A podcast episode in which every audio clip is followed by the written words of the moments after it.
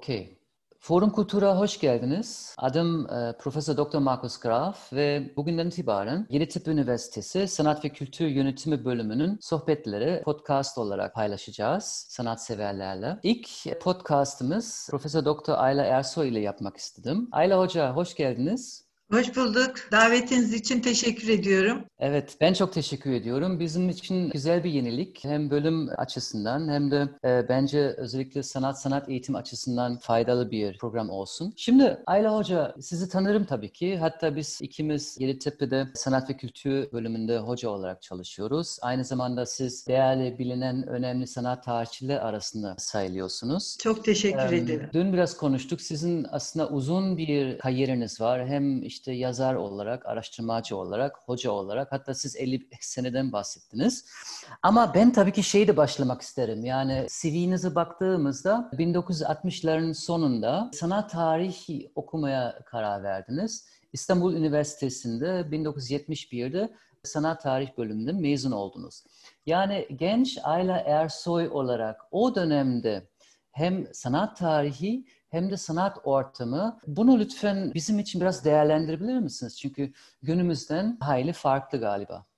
Evet, oldukça farklı. Ben 1965-66 yılında İstanbul Üniversitesi Sanat Tarihi bölümüne girdim. Orada eğitim aldığımız dönemde doğru düzgün ne takip edebileceğimiz bir ders kitabı, ne sanat tarihi kitabı, ne not, hiçbir şey yoktu. Hatta o kadar ki hocalarımızın hepsi kendi oluşturdukları fotoğraflarla bize sınav yaparlardı. Yani derste de işte slaytlar gidilmiş, belli yerlerden çekilmiş. Onları slide makinesinde gösterirler. Oradan anlatırlar. Sonra da sınav zamanı o gösterilen resimler üzerinden tabii ki konuşacağız. Ama bizim o resimlere ulaşabileceğimiz kaynak yok. Sınava girdiğimiz zaman yığar böyle tepe gibi e, fotoğrafları hocalar. Onların içinden 3-5 tane çeker, gösterir. Bil bakalım e, bu neresi gösterdiği ayrıntılardan detay e, şeyler, fotoğraflar. Tanıyabilirsek tanırız, tanıyamazsak kemküm geçiştirmeye çalışırız. Öyle bir dönemden başladık. Yani ders çalışmak için arkadaşlarla Fransız kütüphanesine gidiyorduk Beyoğlu'nda. Orada 2-3 tane kitap var ve biz böyle grup halinde o kitapları Bunların başında işte planlara bakıyoruz, fotoğraflara bakıyoruz, yapıları inceliyoruz. Öyle zor koşullarda eğitim aldık mezuniyetimizde de şey vardı. Tez yazma mecburiyetimiz vardı. O tez yazma süreci de zaten ayrı bir süreç. Çünkü fotokopi makinesi yok. Daktiloyla, daktiloda yazsanız yanlış yaptığınızda sayfayı yırtıyorsunuz. Fotokopi olmadığı için yararlanacağınız bütün kaynakları okuyup size lazım olanları notlar halinde alıyorsunuz ve öylece aylarca kütüphanede ancak kaynak taraması e, yapabiliyorduk. Yani o dönemler hakikaten çok zordu. Oralardan başladık. Tabii böyle bir ortamda e, Türkiye'de sanat ne kadar olur onu da siz düşünebilirsiniz e, doğru düzgün ne e, galeri var, ne işte e, sanat var. Zaten daha yeni girmişiz, hiç kimseyi tanımıyoruz. Öyle bir süreçten geçtik o 70'li yıllara kadar. 70'ten sonra yavaş yavaş konuya da hakim olunca bir de üniversitede daha çok da biz e, mimari ve süsleme ağırlıklı. Yani Avrupa sanatının dışında Türk İslam sanatı olarak Cumhuriyet dönemi falan neredeyse hiç yok gibiydi. E, daha çok işte İslam mimarisinden başlayarak başlayarak Osmanlı mimarisine kadar hem mimari yapıları, planları hem de işte onların onlara bağlı olarak gelişen süsleme sanatlarına işte ahşaptı, çiniydi, el sanatları dediğimiz bugün halı, taş işçiliği gibi stukolar mesela o İslam stukoları da hocamızın Allah rahmet eylesin en çok üstünde durduğu konulardı. Şimdi günümüzde sanat tarih okuyup birçok farklı sanat ve kültür alanında çalışan arkadaşlarımız var. İşte evet. yazarlar, işte küratörler ya da işte festival yönetimi, İKSV vesaire. Fakat şimdi 70'ler e, ya da işte sonra 80'lerdeki sizin dediğiniz gibi aslında e, oldukça fakir, az gelişmiş bir sanat ortamından bahsediyoruz. Maalesef. İşte sanatçıların evet. üretimi her zaman iyiydi, daha iyiydi ama sanat e, ortamı çok daha yavaş gelişti Türkiye'de.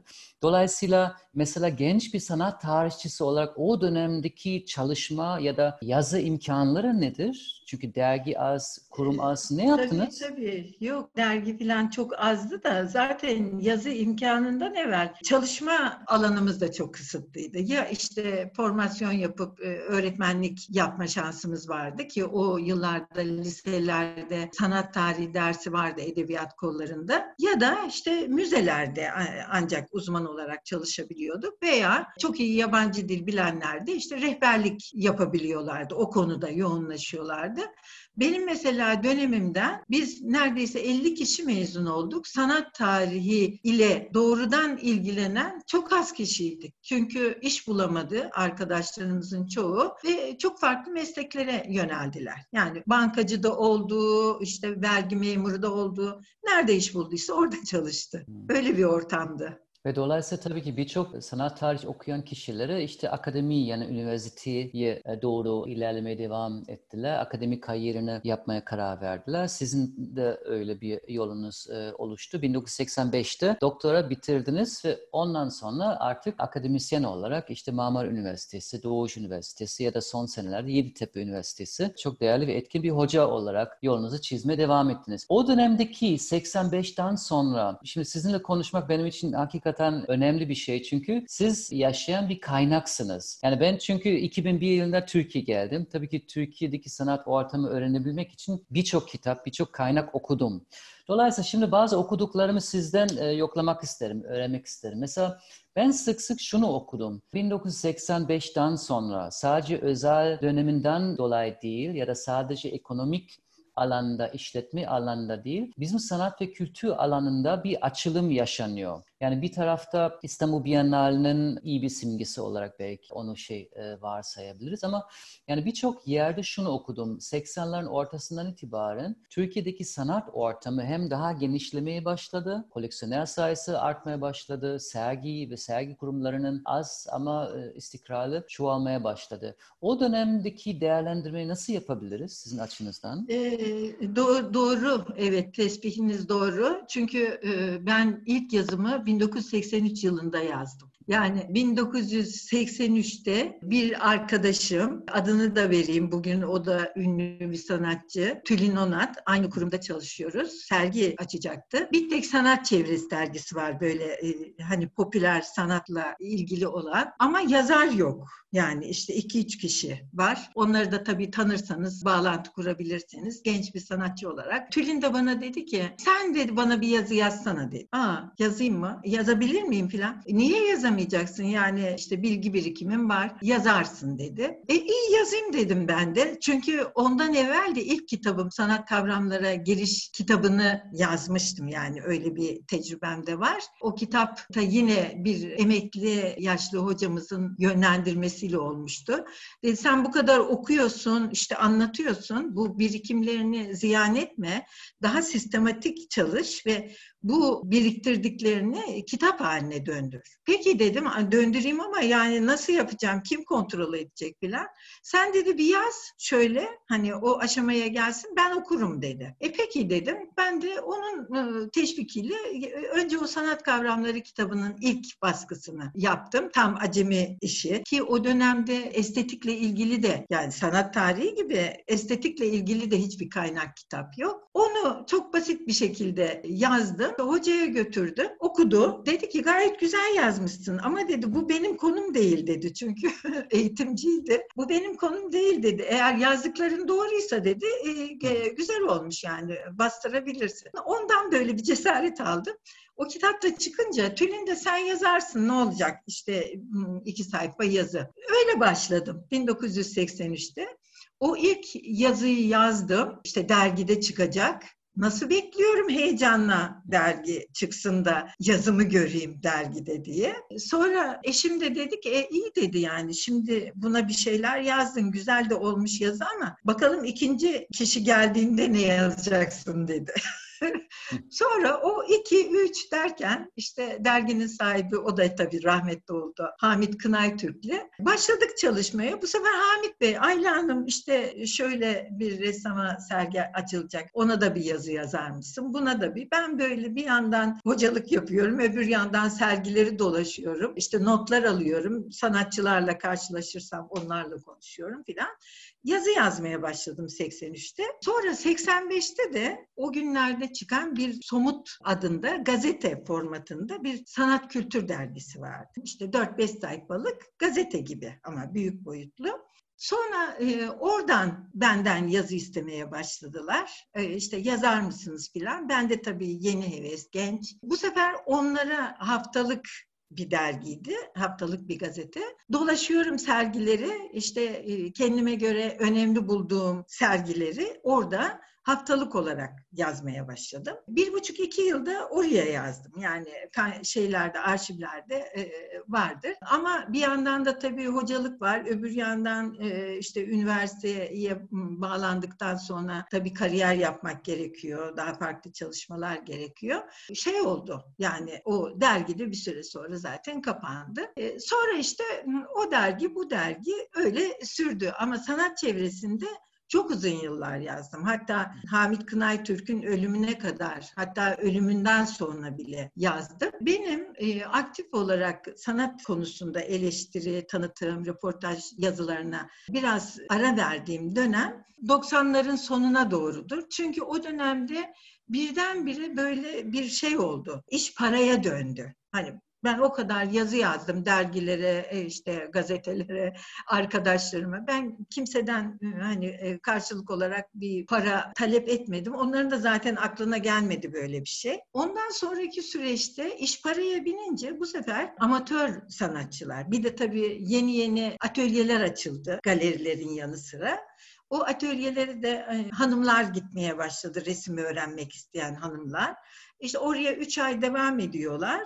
E, biraz boyamayı e, öğrendikleri zaman kendilerini böyle birden büyük ressam oldum zannediyorlar. Ama alt yapı yok yani hiçbir birikim, sanatla ilgili hiçbir kültür yok. E, şimdi bunları dinleseler bana kızacaklardır ama işin aslı da buydu. Sonra bu hanımlar çok talepkar olmaya başladı işte yazı için. Ben de Hamit Bey'e dedim ki Hamit Bey yani ben çocuklara başka şey anlatıyorum. Sanat şudur, budur, öyle olmalıdır diye. Siz siz de bana şimdi böyle amatörleri e, yazı yazmak için hani yönlendiriyorsunuz. Ben bunlara yazmak istemiyorum. Sonra telefon edenlere filan da kusura bakmayın artık yazmıyorum, artık yazmıyorum diye diye kendimi de yazı yazmaktan soyutladım. Ondan sonra da çok beğendiğim ya da gerçekten hani yazmak istediğim sergiler olursa yazdım. Katalog yazıları veya işte sergi yazıları. O şekilde devam ettim. Ama ben hiçbir zaman bu işi zaten o dönemde yani sanat eleştirmenliği profesyonel bir iş değildi. Ancak gönüllü, gönülle yapılan bir işti. Ben o süreci yaşadım. Ama dediğiniz gibi 80'li yani özellikle 85'ten sonraki yıllarda birdenbire böyle sanatta bir patlama oldu diyebilirim. Peş peşe galeriler açıldı, birçok sanatçı e, sergiler açmaya başladı. Biz de o vesileyle tanıdık. Hatta öyle oldu ki bazı galeriler Avrupa'da olduğu gibi bazı sanatçılarla e, yıllık anlaşmalar yapıp sadece o sanatçıların kendi galerileri için resim üretmesini istedi. Yani benim çevremdeki sanatçı dostlarımdan birçoğunun böyle bağlantıları da oldu. Bu tabii hem sanat ortamını canlandırdı hem sanatçılar sanatçıların biraz kendine güvenleri geldi. Bu işten e, para kazanmaya da başladılar. Parasal değeri de oldu resim yapmanın. Dolayısıyla 80'li 90'lı yıllar çok aktif şekilde sergilerin açıldı. Ama sergi derken daha çok tabii işte yağlı boya, sulu boya ya da işte gravür gibi yani duvar resmi olarak yapılan çalışmalar çok sergileniyordu. Ama yavaş yavaş biraz evvel belirttiğiniz gibi işte önce yeni eğilimler sergisi, arkadan Bienal, arkadan İstanbul Fuarı derken bu duvar resmi, yağlı boya üzerine yapılan resimlerde bir parça geriye itilerek onların yerine daha yeni teknolojilerle, daha çağdaş, daha yeni çalışmalar almaya başladı. Evet, teşekkürler. Şimdi 80'lerin başında şey tarif ettiniz. Bir sanatçı geldi, bakalım ikinci daha gelecek mi? Sonra 2, 3, 4 bir, bir tarafta geldiler. Fakat sonunda 500 Türk sanatçısı diye bir kitap yazdınız. Yani oradaki durumu biraz değerlendirelim. Şimdi güzel bir outline olarak 90'ların sonuna kadar işte yoğun bir şekilde sanat yazarlığını sürdürdünüz. İşte güncel sergiler, galeri sergileri, sanatçıları değerlendirmelerle beraber. Fakat tabii ki 2000'den sonra tembellik yapmamışsınız. Çünkü bir anda e, yaklaşık 600 sayfalık bir kitap yazmışsınız. 2010'da aynı zamanda sanat eleştirisi diye ikinci önemli bir kitabınız var. Yani bu iki kitap üzerine biraz durmak isterim. Belki şeyle başlayalım. Bu 500 Türk sanatçısı Plastik Sanatlar adlı kitabı 2004 yılında çıkartmışsınız. 527 sayfalı bir kitap. Şimdi bu tabii ki çok değerli bir kaynak. Yani 19. yüzyılın ortasından günümüze kadar bu ortamı değerlendiren ve sanatçı bazlı giden bir değerlendirme. Bu konuda size şey sormak isterim. Bir sanat tarihçisi ve sanatçı ilişkisi nasıl değerlendirebiliriz? Biraz önce aslında çok hoş bir örnek verdiniz. Bir sanatçı sayesinde siz sanat yazarlığı diye yeni bir kimlik kazandırdınız. E, aynı zamanda ben mesela kendi küratörlük deneyimden her zaman rahatça şunu altını çizebilirim. Yani bizim işimiz ne kadar profesyonelse aslında bu um, interpersonal relations yani kişiler arasındaki ilişkiler ve iletişim çok önemli. Yani sanatçı uzman ilişkisi bu bağlamda saf bir profesyonelliğin ötesine geçiyor diye düşünüyorum. Dolayısıyla bu 500 Türk sanatçısına baktığımızda e, Böyle bir kitap nasıl yazdınız? E, bu yazma ihtiyacı nereden kaynaklanıyor? Bu boşluk nasıl fark ettiniz? Ve tabii ki e, o biraz zor olacak ama en sevdiğiniz ya da e, e, önemsediğiniz belki yaşayan sanatçılardan bazı ilişkilerden belki bahsedebilir misiniz? Buyurun. Bu kitabının çıkış noktası. Şimdi o kitabın çıkış noktası biraz daha geriye gidiyor. 1989'da Cumhuriyet'in 75. yılında çıkan bir kitabım var. Günümüz Türk Resim Sanatı. 1950'den 2000'e yani o 50 yıllık süreç ve o kitapta ben kendime göre işte o yaşadığım yoğun olarak sanatçılarla ve sanat çevresiyle iç içe yaşadığım dönemi yaşayan birisi olarak ve birçok sanatçı da o dönemde yaşarken yazdım.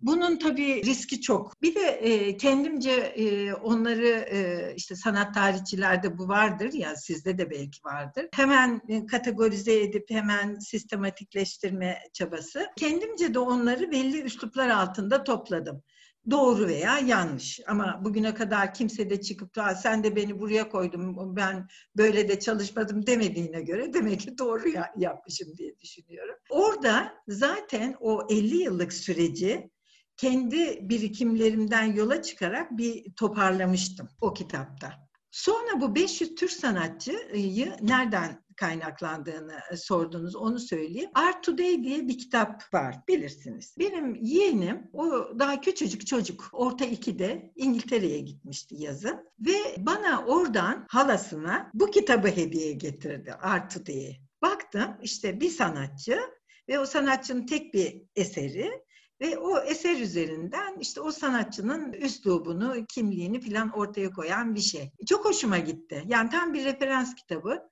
Sonra düşündüm niye dedim ben de bunu yani Türk sanatçıları için yapmayayım. Sanatçıları e, toplamaya başladım ama çok fazla oldu yani hani 500 sanatçı. Dedim ki bu böyle bu kadar olmaz. Ben bunu bir sınırlayayım. Belli kriterler koyayım. En az 10 yıl resim yapmış olsun. Biraz e, adı bilinmiş olsun. Şu olsun bu olsun. Kendime göre de bazı kriterler koydum.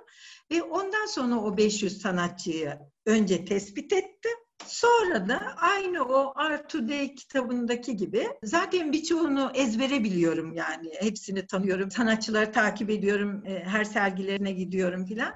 İşte onlardan seçtiğim birer resimle o sanatçıların üslupsal özelliklerine yoğun vurgu yaparak o kitabı çıkardım. Tam bir referans kitabı oldu. Yani birçok öğrenci, birçok ıı, bu alana yeni başlayan kişi ya da belli konularda araştırma yapanların hemen ilk baktı. Çünkü çok geri bildirim aldım o kitapla ilgili. Öylece de çıktı 1994'te. Bence özellikle bu kitapta dediğiniz gibi bir anda çok riskli bir kitap. Çünkü sonuç çok. olarak siz orada sanat tarih yazıyorsunuz ve tabii ki sanatçıla dahil ediyorsunuz dahil etmiyorsunuz. Dahil ettiğiniz sanatçıları belli bir okuma yöntemini, bir kategori içine oturtuyorsunuz. Ama bence bu çok değerli bir şey. Çünkü sonuç olarak biz sanat tarihçisi olarak bizim işimiz bu olmalı. Yani hatta özellikle bunun gibi kitapları günümüzde çok ihtiyacımız var. Çünkü günümüzde hiçbir zaman olmadığın kadar sanatçılar var. Evet. Hatta şimdi Facebook, işte Instagram, sosyal medyalar evet. sayesinde birçok sanatçı.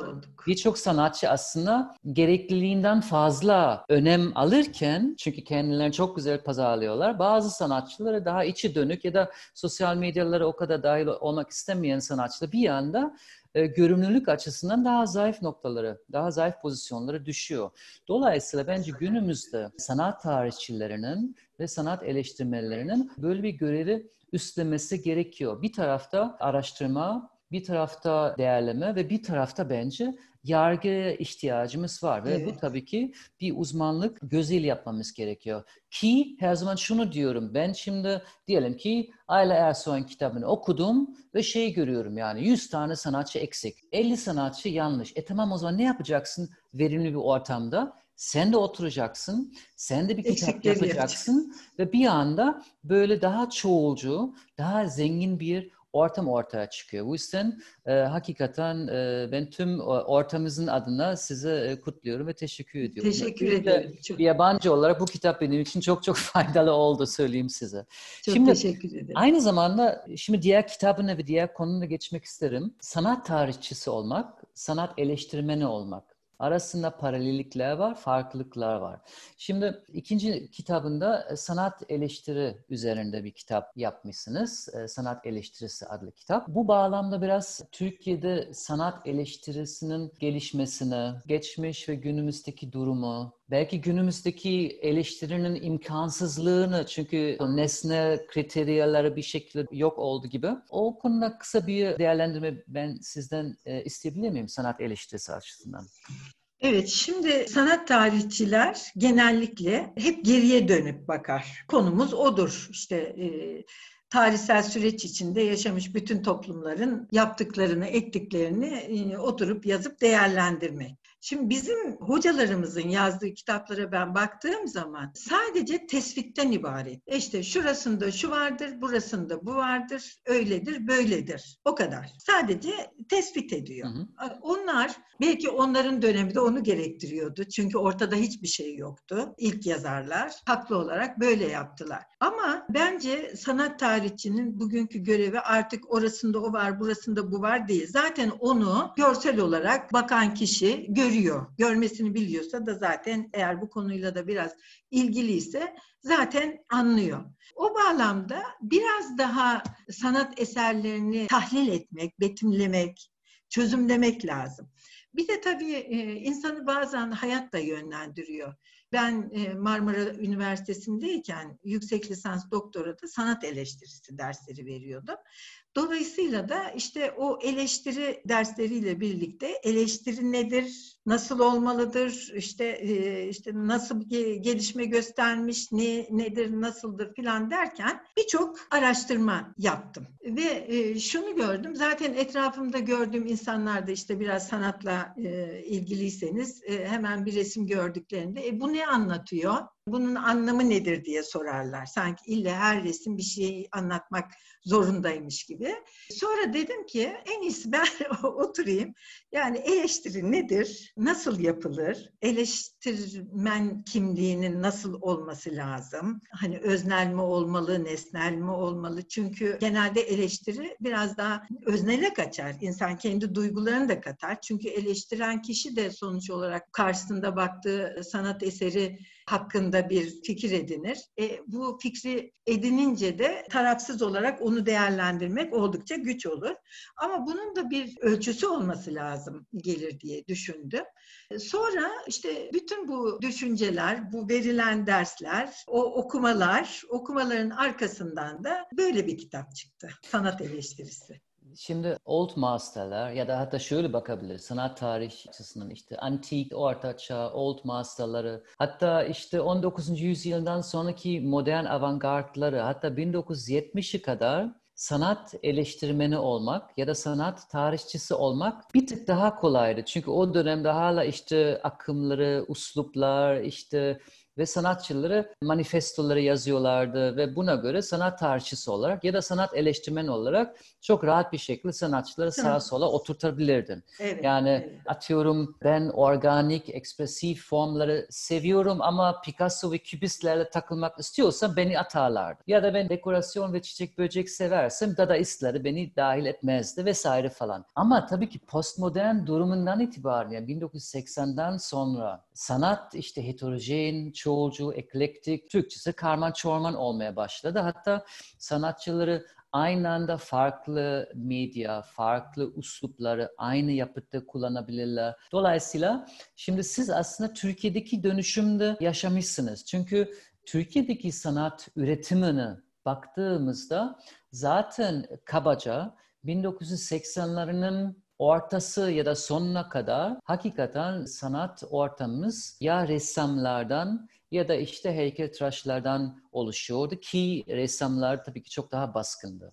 Aynı zamanda ya figüratif Mehmet Gülayüz ya da işte soyut Adnan Çoker diye tartışmaları vardı. Ama tabii ki Türkiye'de de 1990'dan itibaren özellikle İstanbul Bienal etkisi herhalde ya da genel olarak işte exchange dan dolayı kolaj, asamblaj, enstalasyon, video performans gibi gibi sanat türleri ve sanat yaklaşımları Türkiye'de de yaygınlaşmaya başladı ve bence artık 2000'den sonra Batı gibi ya da gelişmiş sanat ortamlar gibi bizde aslında artık bütün yaklaşımlar mevcut. Şimdi bir sanat tarihçisi olarak günümüzde çalışmak eskisinden ne gibi farklılıklar ve ne gibi zorlukları yaşanıyor? Çünkü mesela eleştirisi nasıl olmalı diye bir ders verdiniz. Yani eleştiri günümüzde, sanat tarih günümüzde nasıl yazabiliriz? Yani neye göre oturtabiliriz? Tamamen öznel mi oldu yoksa ne durumdayız? Şimdi herhalde daha öznel oldu. Yani yazılar da daha öznel. Çünkü nesnel değerlendirilebilecek kalıplar yok yani. Artık ne kadar sanatçı varsa o kadar üslup var, o kadar farklı malzeme var, o kadar teknik var. Dolayısıyla bunları böyle tek e, bir grup altında toplamak pek kolay değil, mümkün de değil. Dolayısıyla eleştiri yapmak ne demektir? Önce bir bakıp anlamak, onu değerlendirmek, ondan sonra da onun üzerinde bir yargıya varıp bir sonuca bağlamaktır. Biz artık bugün sanatçıya tek bakmak zorundayız. Hmm. Yani tek bir sanatçıya bakacağız ve onu tek başına değerlendireceğiz. Yoksa e, işte geç benim yaptığım gibi işte bunu bu üsluba bu üsluba şuraya e, yerleştireyim dediğiniz zaman yerleştiremezsiniz. Böyle bir şey mümkün değil. Bu bakımdan bence günümüzde eleştiri de bireyselleşti. Sanatçı zaten bireysel. E, bu çağın kaçınılmaz bir şeyi. E, insanlar da öyle. Herkes daha bireysel her konuda. Sadece sanat konusunda değil. Yani küçücük bir çocuk bile davranışlarıyla kimseye uymuyor. Canı ne isterse onu yapıyor. Bu toplumsal değişimin getirdiği yani sadece Türkiye için de geçerli değil. Çünkü işte yurt dışına gittiğimizde, galerileri, müzeleri gezdiğimizde orada da benzerlerini e, görüyoruz. Zaten şöyle olur her zaman. Önce yeni fikirler ortaya çıkar. Bu yeni fikirler e, hemen kendine uygun yeni biçimleri yaratır. O biçimler de işte sanat olarak e, sanatçılar tarafından uygulanmaya başlanır. Yani bu e, toplumun değişiminin kaçınılmaz bir sonucu. Hani ta 1945'lerde işte sanat bitti artık yapılacak bir şey yok filan derken şimdi bakın sanat bitmiyor. Neden? Çünkü e, insan var oldukça sanat da yeni kaynaklar buluyor kendine. O kaynak da yaşamın kendisi. Yaşam değiştikçe yeni yeni oluşumlar, yeni biçimlerde kendini zorunlu olarak kabul ettiriyor. Yani evet, ilk bir evet. bienaller başladığında o suyun içindeki işte videoları, o ışık şeylerini falan gördüğümüzde e, aa bunlar da sanat mı, bu nasıl şey falan diyorduk. Şimdi artık onlar bile çok doğal gelmeye başladı. Daha farklı şeyler bekleniyor. E şimdi şu pandemi dönemine baktığımız zaman birdenbire sergilerin bile artık dijital ortama taşındığını, işte online sergiler, müzeler online, her şey ekrana taşındı. Koşullar değiştikçe sanat da kendini ona uydurarak yeni yollar buluyor. Evet bu bağlamda aslında şeyi de görüyoruz. Yani binlerce kültür ve sanat tanımı var herhalde bu dünyada ve her ortamda her zamanda farklı bir tanımı var ama sonuç olarak herhalde temel parametre olarak değişim ve dinamizm varsaymamız gerekiyor. Yani sanat sürekli tıpkı kültür gibi sürekli değişen, sürekli farklı fikirler, teknikler ve estetiklerden ve tanımlardan oluşan bir olgun ve dolayısıyla belki biz sanat tarihçisi olarak ya da tüm bu sektörde çalışan uzmanlar olarak aslında sürekli bu hayatının, iş hayatının ve o paralel olarak giden sanat dünyasının değişim adapte olmam, tabii, e, tabii, etmemiz tabii. gerekiyor ve olmamız gerekiyor. Bu oluyoruz şimdi... da zaten, oluyoruz da. Yani şu, ben kendimden örnek vereyim. Şimdi ben ilk hocalığa başladığım zaman gösterecek kaynak bulamıyordum. Sonra neyse bir tane kocaman projeksiyon makinesi bulduk. Bu sefer kitap sayfalarından, kitaplardan, evden kendi kitaplarımı, okulun kütüphanesinden ne anlatacaksa o sayfaları açıp oraya koyup oradan duvara yazdık. Ondan sonra e, işte e, slide makineleri çıktı. Hadi e, slaytlar edindik, onları koyduk. E şimdi geldik dijital, bütün görüntüleri dijital ortama aktardık. Şimdi daha kolay oradan ders yapıyoruz. Yani kendi yaşamımda bile bu değişim kaçınılmaz olarak geliyor. Şimdi yavaş yavaş sonuna doğru geliyoruz. Bir şey daha ama sormak isterim. Şimdi buradaki e, sanat ve kültür sohbetleri tüm sanat severleri için yapıyoruz ama tabii ki bir üniversite bağlamında özellikle işte genç uzmanları, öğrencileri ya da öğrenci adayları yönelik bu podcastlarda da yapıyoruz. Bugünkü amacımız zaten birazcık işte sanat tarihinin Türkiye'de nasıl geliştiğini ve siz bir örnek olarak bu yol nasıl yaptığınız ki onu da tekrar altını çizelim. Yani Türkiye'de tabii ki İkinci Dünya Savaşı'ndan sonra çok değerli bir sanat tarih ve sanat eleştirmen bir uzmanlık grubu yetiştirdi. İşte Sezer Tansu, Kuban Doğan, Kaya Özseskin ve sizin gibi değerli uzmanlar sayesinde günümüzdeki sanat ortam bu hale geldi. Yani bazen şey diyoruz da 2000'den sonraki patlamasından dolayı işte şu andaki sanat ortamı yaşıyoruz. Ama sonuç olarak önceden sizin gibi uzmanları bu kadar ter döktürmeseydi, işte siyah beyaz kitaplardan fotokopilerle uydurup uydurup kaynaklarla o kadar çaba göstermeseydi e, biz bu hale gelmezdik tabii ki. Bu yüzden şimdi yazar olarak, akademisyen olarak, sanat tarihçisi olarak son soru yani şu anda dinleyen ve işte biz hatta şu an tam tanıtım e, dönemindeyiz. İşte iki gün önce işte sınav sonuçları paylaşıldı. Genç sanat tarihçileri ya da e, sanat tarih öğrencileri ya da öğrenci adayları bu alanda yani sanat tarih alanında ilerlemek istiyorsa sizin kendi deneyiminizden ne söyleyebilirsiniz, ne önerebilirsiniz? Eğer yeni girecekse önce tabii temel şeyleri öğrenmek çok önemli. Hani temeli bilmeden onun üstüne bina inşa edilmez. Onları öğrenmek tabii, onun eğitimini almak önemli. Yok bu konuda hani biraz daha bilinçli ve işte yüksek lisans doktora yapacaksa o zaman da oturup düşünmesi lazım. Ben yapacağım bunu ama sonra ne yapacağım? Yani hocalık mı yapacağım, yazarlık mı yapacağım, eleştirmenlik mi, küratörlük mü yoksa işte uzman olarak bir müzede mi çalışacağım? Buna karar vermesi lazım ki ondan sonra yolunu seçsin. Yani diyelim ki şimdi eğer sanat ve kültür yönetiminde yapmak istiyorsa o zaman sanat tarihini biliyor kabul ediyoruz tabii gelenleri ya da biz işte bölümde elimizden geldiği kadar yetiştiriyoruz. Onun üzerine kendini geliştirmesi lazım. Ya yazar olacaktır ya küratör olacaktır ya da işte bir sanat kurumuna yönetici olacaktır. Kendi isteklerini dinleyip bence en önemli şey budur.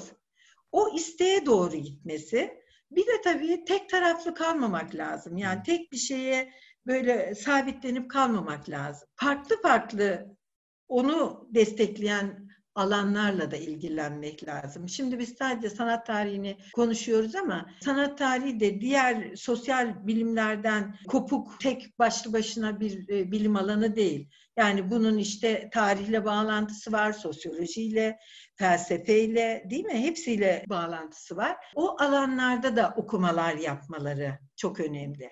Yoksa tek bir şeye sabitlenip orada kalıyorlar. Yani gelişme olmuyor o zaman. Gelişebilmek için onu destekleyen diğer alanları, estetik mesela mutlaka bilmeleri gereken bir konu. Kendinden önce yapılmışları çok iyi öğrenmeleri gerekiyor. Çok okumaları gerekiyor ve karar vermeden önce de ne istediklerini iyi bilmeleri gerekiyor. Yani eğer ben müzeci olacağım diyorsa o zaman sanat tarihini bitirdikten sonra gidip müze master doktorası yapsın. Yok ben sanat yönetici olacağım diyorsa o zaman da sanat yönetimine gelsin ki hani işte sanat dersleri, kültür dersleri yanında biraz yönetim dersleri de alsın. Bir de tabii günümüzde artık en önemli şey yabancı dil. Mutlaka da yabancı dilini geliştirmesi lazım. Çünkü biz bunun çok sıkıntısını çektik. Çünkü bizim okuduğumuz dönemde liselerde doğru düzgün dil öğretilmedi. Kendi çabamızla hep yapabildiğimiz kadar yapmaya çalıştık. O da tabii küçük yaştan okulda öğrenilen ya da işte yurt dışına gidip orada yaşayanların öğrenmesiyle kendi kendine e, Türkiye'de yabancı dil öğrenmek çok zor. Onun da bilincinde olup artık bugün her şey çünkü uluslararası mutlaka da bir dil öğrensinler tavsiyesinde bulunurum. Evet çok teşekkürler. Özellikle bu dil konusu bence önemli. Ki yani hala ne kadar çok iyileştiyse de eski zamanlarla karşılaştırdığımız ama hala birçok kaynak zaten Türkçe olarak yok. İnternetteki yok, kaynakları ya da kitapları çoğu zaman da hala İngilizce yazılıyor. Dolayısıyla sizin son olarak eklediğiniz transdisipliner ya da alanlar arasında olmak bence çok önemli bir değer. Çünkü hiçbir iş alanı, hiçbir meslek ve bizimki dahil eskisi kadar otonom yani tek başına yalnız e, kalamaz. Dolayısıyla Anladım. sanat tarih alanda hem estetik olsun hem sosyal bilimlerle iç içe olan bir alan olarak orada hakikaten öğrenciler mümkün olduğu kadar geniş bir yelpaze açsınlar. Artı izin verirseniz şeyi de eklemek isterim sanatçılarla tanışsınlar. Yani sanat tar- yani atölyeye gitmeden, boya kokusunu almadan, hatta kazayeli bir yağlı boya leke üstünde oturmadan bir atölyede olmaz bence. Yani olmaz. hakikaten yani atölye, çalışma pratikleri, malzeme bilgisi, temel sanat eğitim ve sanatçılarla iç içe olmak bence hepimiz için çok çok önemli bir çok değer. Önemli. Dolayısıyla hem sanatçılarla tanışsınlar, bir network oluştursunlar ve bol bol sergiler gezsinler. Ben Müze bazen... gezsinler, evet. Sergi gezsinler. O da ben, çok önemli. Ama bazen... artık gezmeye gerek yok. Şurada online olarak hepsini gezebilirler, her şeyi görebilirler. Ee, tabii hiçbir zaman gidip bir müzedeki gezme gibi olmuyor. O ortamı koklamak da çok önemli. O havayı teneffüs etmek. Ama en azından hani nerede ne var görmek bilmek açısından bu da tabii e, günümüzde önem kazandı.